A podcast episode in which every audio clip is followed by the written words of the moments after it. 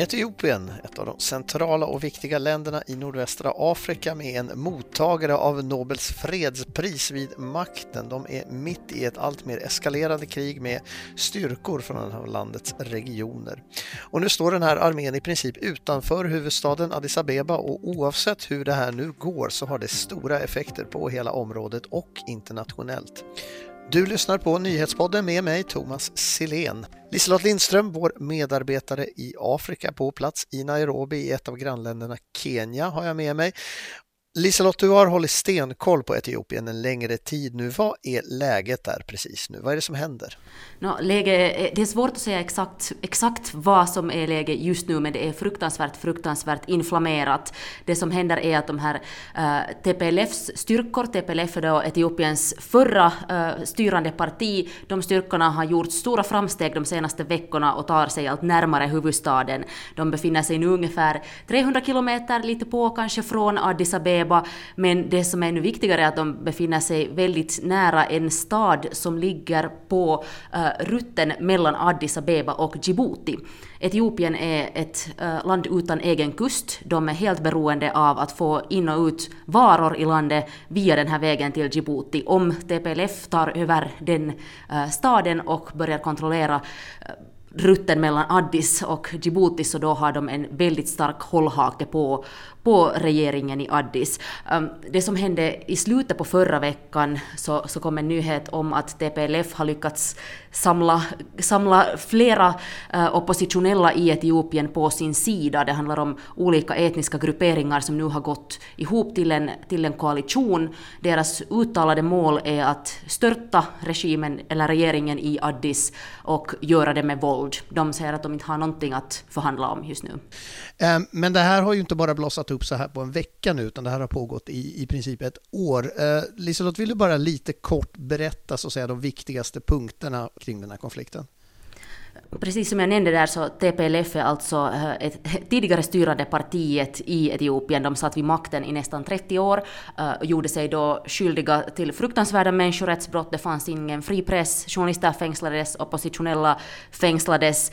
Ehm, efter stora protester år 2018 så skuffades då TPLF bort från makten och Abiy Ahmed som nu sitter som premiärminister, han eh, tillsattes istället som premiärminister. Abiy Ahmed var då inte folkvald, ehm, utan det utlovades val. Det skulle vara Etiopiens första demokratiska val. Men de här, det här valet sköts på förra hösten på grund av då coronapandemin.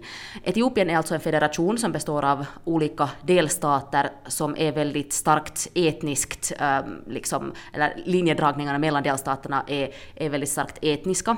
Um, och då, då när Abiy Ahmed sköt på det här valet så valde TPLF att ordna valet i Tigray-regionen trots allt. Uh, det ledde till att Abiy Ahmed sa att den här nya federala, det federala styret i Tigray är inte legitimt eftersom de ordnar val utan så att säga hans godkännande. Och de å sin sida sa att de inte godkänner regeringen i Addis på grund av att han sköt på valet och kallade det för en, en liksom kupp i princip och, och liksom odemokratiskt då att han att han gjorde så här. Sen attackerade TPLF den etiopiska regeringens som man kallar Northern Command, liksom norra bas i Tigray och, och tog, stal då enligt uppgift vapen och, och andra, andra förnödenheter därifrån. Efter det så inledde Abiy Ahmed då en offensiv i Tigray och deras uttalade mål var då att, att röka ut de här forna ledarna i, i Tigray, TPLFs styre då och, och enligt honom så skulle kriget vara över på en månad. Nu är det ett år senare och jag tror att inte heller Abiy Ahmed hade någon aning om att det skulle se ut så som det gör idag. Nej, vad är det som har hänt där då exakt? För det var ju liksom det som var tongångarna, att det här är en rebellgrupp, det här är någon liksom tillfällig grej, det här kommer vi att lösa väldigt fort. Och sen så på något sätt så gick det inte alls som på Strömsö för regeringen, som nu har hållit på då i det här ett, ett år. Vad är det som har hänt under det här året? Mm, det kan man lugnt säga att det inte gick som på Strömsö. Det som har hänt är kanske att, att eh, regeringen underskattar vilken både liksom det populära understöd som TPLF hade i Tigray och, och den militära kapacitet som de hade. Och också kanske då det ett överskattande av den etiopiska regeringens stridsvilja. Det här nu, I brist på liksom en, en, en bättre analogi så kan man kanske jämföra så här Finland-Ryssland under andra världskriget. En liten armé med väldigt hög stridsmoral mot en stor armé utan kanske så hög stridsmoral. Sen det, det som hela tiden, regeringen i Addis har hela tiden liksom sagt att hotet från TPLF är överdrivet. Eh, de är inget hot, liksom nu också när det var tal om att styrkorna finns ungefär 300 kilometer från, från Addis så säger de att vi håller på att vinna över dem. Men det här klingar ju väldigt tomt på något sätt med tanke på att då först så lovade de att hela kriget skulle vara över på en, en månad och, och sen liksom att de hela tiden, hela tiden säger att det här är inget hot samtidigt som presidenten då uppmanar alla som har vilket som helst vapen att ta till det för att, för att bekämpa dem. Så det, man behöver inte vara dum för att förstå att, att, den, att de, den etiopiska armén är väldigt trängd just nu. Folket har uppmanats eh, att liksom, ta till just som du sa, i princip vad de än har och försvara sig. Eh, man har bett pensionerade soldater att liksom, återvända till tjänst nu för att möta det här potentiella hotet. Men finns det verkligen det här stödet för regeringen att övertyga folk om att göra sånt här, att liksom verkligen hålla ut till sista man? Det finns ett väldigt stort stöd för, för regeringen i Addis och det såg vi ju till exempel nu i helgen så var det tiotusentals människor som var ute på gatorna i Addis och vis, för att visa sitt stöd för regeringen. Samtidigt så, så liksom, vi har inte sett några stora äh, deserteringar från armén eller något sånt här, men samtidigt till exempel i Amhara-regionen som då har, har sett TPLS frammarsch utan att regeringen har kunnat göra så mycket, så finns det säkert ett, ett liksom litet missnöje mot, mot regeringen där, men det betyder ju inte att de börjar stödja TPLF. TPLF måste vi komma ihåg, som sagt, styrde Etiopien i nästan 30 år, är väldigt hatat av väldigt många. Men, men liksom vad det här leder till, det här att, att det kanske visar sig att de inte har så bra koll på läget och inte har så stor militär styrka som de har försökt låta påskina, så, så vart det leder sen är, är svårt att säga. Men just när det gäller så här Abiy Ahmed mot TPLF, så finns det väldigt många från andra etniska grupper, speciellt i Etiopien, som, har, som stöder Abiy Ahmed, stöder den, den nuvarande regeringen. Många har ju till exempel Afghanistan i färskt minne där du också hade liksom en, en eskalerande konflikt som plötsligt var över väldigt fort och mycket fortare än någon hade väntat sig. Nu är det här ett helt annat läge så frågan är vad ska man liksom vänta sig nu av, av den här situationen? Vill TPLF ta över Etiopien? Är det här bara att skicka en signal eller vad är liksom målet nu? Vad kan hända härnäst? En av orsakerna till det här kriget var just det att TPLF förlorade sitt politiska inflytande så snabbt och det finns ju en del liksom sån här, vad ska man säga, sårade e-, egon med i den här konflikten som vill ha, ha makten tillbaka. Men, men TPLF har inte heller uttalat sagt att de skulle vilja styra Etiopien igen utan det att de vill ha bort Abiy Ahmed. Sen har det varit lite tal om någon slags koalition och så här. Etiopiens politik är, är väldigt, väldigt komplicerad. Eh, den har tidigare alltså byggt väldigt mycket på etnicitet. Och, och, ett av Abiy Ahmeds mål när han tillträdde var just att, att försöka centralisera makten mera, ta bort makt från, från federationerna och det här var ju någonting som TPLF då motsatte sig väldigt starkt. Så det finns liksom både olika etniska partier som vill se en större centralisering och sen sådana etnonationalistiska partier som vill se en större liksom, eh, spridning av makten och mer, mer federationer. Och det här håller liksom på att, det, det är sån här dynamik som, som spelar just nu i, i Etiopien väldigt starkt. Så frågan är att vill, vill TPLF egentligen ta över makten? Det, det är svårt att säga, men de vill ha bort Abiy Ahmed och, och se någon slags, någon slags transition. Och då menar ju också att valet i, i juni inte var alls, alls var demokratiskt eftersom det var då flera oppositionspartier som bojkottade valet. Inga val ordnades i Tigray och också några andra, andra regioner och så här. Så min gissning, jag killgissar lite här nu, är det att, att de ändå har inte ett så stort stöd TPLF då i Addis eh, att, att gå in där skulle vara en ganska stor risk för dem. Jag tror att deras främsta mål är då att försöka ta över den här eh, rutten mellan Djibouti och Addis och försöka på det sättet sätta press på, på regeringen.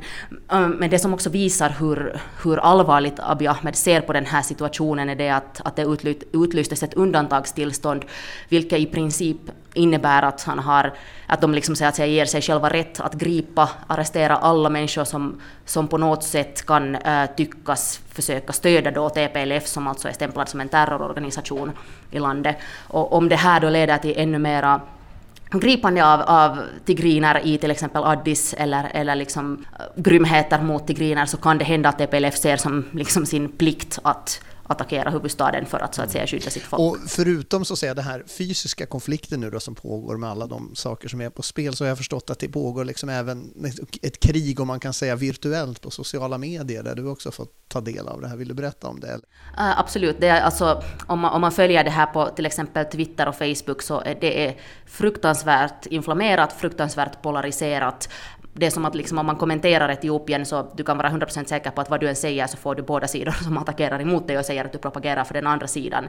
Um, till exempel nu på sistone så har CNN varit under väldigt stor attack på sociala medier för att de, de sa, och det var, det var i och för sig enligt min åsikt dumt av dem också att publicera, att någon diplomatkälla säger att rebellerna är rakt utanför huvudstaden men samtidigt så säger de att inga ögonvittnen har kunnat bekräfta det här. Varför publicerar man sånt? Och, och just sånt har då plockats upp av flera liksom, eh, de här pro-regeringspersonerna och, och liksom haft eh, eller som, som ett bevis på att äh, västerländska medier är på TPLFs sida, sprider TPLF-propaganda för att, för att hota regeringen. Och eftersom TPLF är ett hot mot hela, hela äh, Etiopien och hela Etiopiens existens så är också västerländska medier ser man som ett, äh, egentligen som ett direkt hot mot, mot äh, hela Etiopiens existens och de har, liksom, västerländska medier har blivit som en, en fiende. Och det som hände mig var alltså när jag var där i i Etiopien förra, förra juni. Jag var i Tigray, um, råka helt enkelt, det kan jag erkänna fullständigt. Jag hade inte några fina källor som, som drog mig den vägen utan jag råkade stöta på en av TPLFs högsta ledare i bergen i Tigray och han ville förstås prata, inte skulle jag annars ha råkat hitta honom. Men det var alltså den första intervjun på kamera som gjordes med honom sen kriget började. Um, och, och, och, det här är också Etiopiens regering har, har ofta liksom sagt att ah, nu har vi lyckats döda honom och sen ploppar han alltid upp på Twitter igen och är så här att det har inte alls, här, här är jag. Och liksom det att jag träffa honom var i princip ett brott eftersom han är en, en terroristledare men, men som journalist så man tar, jag anser inte att man tar sidor ifall man intervjuar folk um, utan man försöker, försöker få fram information och berätta vad läget är. Men efter att den här intervjun publicerades så jag utsattes för en massiv attack på sociala medier och anklagades för att stödja TPLF för att ha fört in satellittelefoner och förnödenheter och, och liksom sprida deras propaganda och allt sånt här. Jag blev mordhotad och, och det har faktiskt lett till att jag har valt att inte ens försöka få akkreditering till Etiopien just nu. För det första så tror jag inte att de skulle ge den åt mig och för det andra så, så skulle det helt enkelt inte kännas tryggt. Där finns, just som jag talade om den här liksom, hur mycket man hatar västerländska medier just nu. Det finns många människor där som väldigt gärna skulle se att en eller två västerländska journalister stryker med och vad bättre om det skulle vara jag som har funnits på bilder med den här eh, uh, rebellledaren då. Men, men just att på sociala medier, de här kommunicerar, de för, sin, för, för så att säga kriget också på sociala medier, um, just attackerar varandra, både Abiy Ahmed och just den här Geta Chureda som jag intervjuade och som är, är liksom TPLFs talesperson. Alltså de håller på liksom pikar varandra och, och liksom sprider sin propaganda på, på sociala medier och försöker uppvigla där. Allt det här kommer ju oavsett vilket håll det här sen går åt och vad som än händer med huvudstaden eller inte, så det här kommer ju på något sätt förändra det internationella ska man säga, förhållningssättet till Etiopien, antar jag. Vad, vad, kan man tänka sig att det här nu har för effekter sen när det någon gång liksom kanske är över? Dels på de omkringliggande länderna, men kanske också just för de större internationella relationerna. Det är en väldigt intressant fråga. Just de som är pro så här regeringen har beskyllt västerländerna för att västerländernas agerande har, har orsakat den här konflikten, att, att det har funnits stöd till TPLF eftersom man då har uttalat sig om situationen i Tigray och att människor har blivit mördade och att, att liksom en, en så att säga påtvingad hungersnöd där. Uh, nu har ju då USA också gått ut och sagt rakt att, åt TPLF att sluta avancera, liksom att stanna, stanna där ni är, i sin göra mera. Försök inte ta över Addis, att det, det vill vi inte och, och, och nästan alla västerländska ambassader har har uppmanat sina medborgare i, i Etiopien att åka hem. Sen har vi Eritrea som är en väldigt intressant fråga. Vad, vad är det de gör just nu? För att det att TPLF skulle ta över makten eller få liksom mera, mera fotfäste i Etiopien är ju ett direkt hot mot Isaias Afwerki som då är Eritreas president och, och, hans brutala regim i, i Eritrea. Det måste flikas in där just då också att Eritrea och Etiopien har ju en liksom lång historia av konflikt bakom sig och i princip så är det ganska nyligen de bara har varit i någon slags, på något slags fredliga termer med varandra. Precis, och det var ju därför som Abiy Ahmed fick Nobels fredspris också för sitt fredsavtal med Eritrea. Ett avtal som då från, från TPLF-supporters eh, liksom i princip enligt dem så, så var det bara ett avtal att, att försöka förstöra Tigray och, och så här. Um, men just att TPLF och Eritrea har vet, årtionden av, av fiendskap och TPLF-ledare har också rakt ut sagt att när, så att säga, när de är klara med Etiopien så tänker de dra norrut. Så det finns verkligen en, en risk um, för för ett, ett krig mellan TPLF och Eritrea också, ett direktkrig. Men just att va, va, varför eritreanska trupper inte nu är så att säga och hjälper den etiopiska regeringen så är en intressant fråga. Um, kanske de helt enkelt har insett att, att det är ingen bra idé. Uh, och, och sen är de också alltså då just i Amhara och hjälper Amhara-milisen för att, och försöker då blocka TPLF från att ta sig genom Amhara till Sudan. Um, för där, det skulle också öppna en, en, så att säga, en rutt för TPLF att få in mera vapen, få in mera resurser och kunna då utöka sitt krig. Så det är också någonting som Etiopien försöker hindra till varje pris, att TPLF skulle öppna upp den rutten till Sudan. Och sen bara kort kan man ju nu dra in Sudan här som ju dessutom, det är väldigt, väldigt instabilt i den regionen just nu. Sudan så en, en militärkupp där där de har en övergångsregering där militären och civilstyret delar på makten. Uh, militären arrestera hela det civila styret och övermakten. Det kanske inte har någon direkt inverkan nu på konflikten i, i Etiopien, eh, men Etiopien och Sudan har också ett sånt här territorium som de strider om, eller som de lite har olika åsikter om vems territorium det är. Det har ju också varit ett scenario att Etiopien och Sudan skulle inleda en väpnad konflikt om, om den där gränsregionen. Men okej, okay, så hur, hur ska man kunna lösa den här situationen då? Finns det ett slut? Nu Afrikanska unionen har skickat in en förhandlare som försöker då, ha träffat TPLF-styret, har träffat Abiy Ahmed, försöker förhandla. Men som det nu ser ut så har ingen deras sidan har visat några tecken på att de har intresse för att förhandla.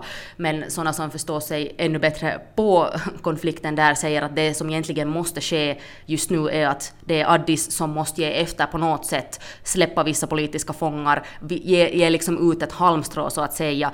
Det här kommer inte att lösas på stridsfältet, fast just nu så är det som båda säger att deras enda intresse är att lösa det här på stridsfältet. Vi ska se att konflikten kommer att fortsätta utveckla sig så det finns säkert skäl att prata med dig igen. Liselott Lindström, tack för att du var med och förklarade läget här i Etiopien för oss. Tack. Du har lyssnat på Nyhetspodden. Jag heter Thomas Selén. Fortsätt gärna lyssna på oss i framtiden också.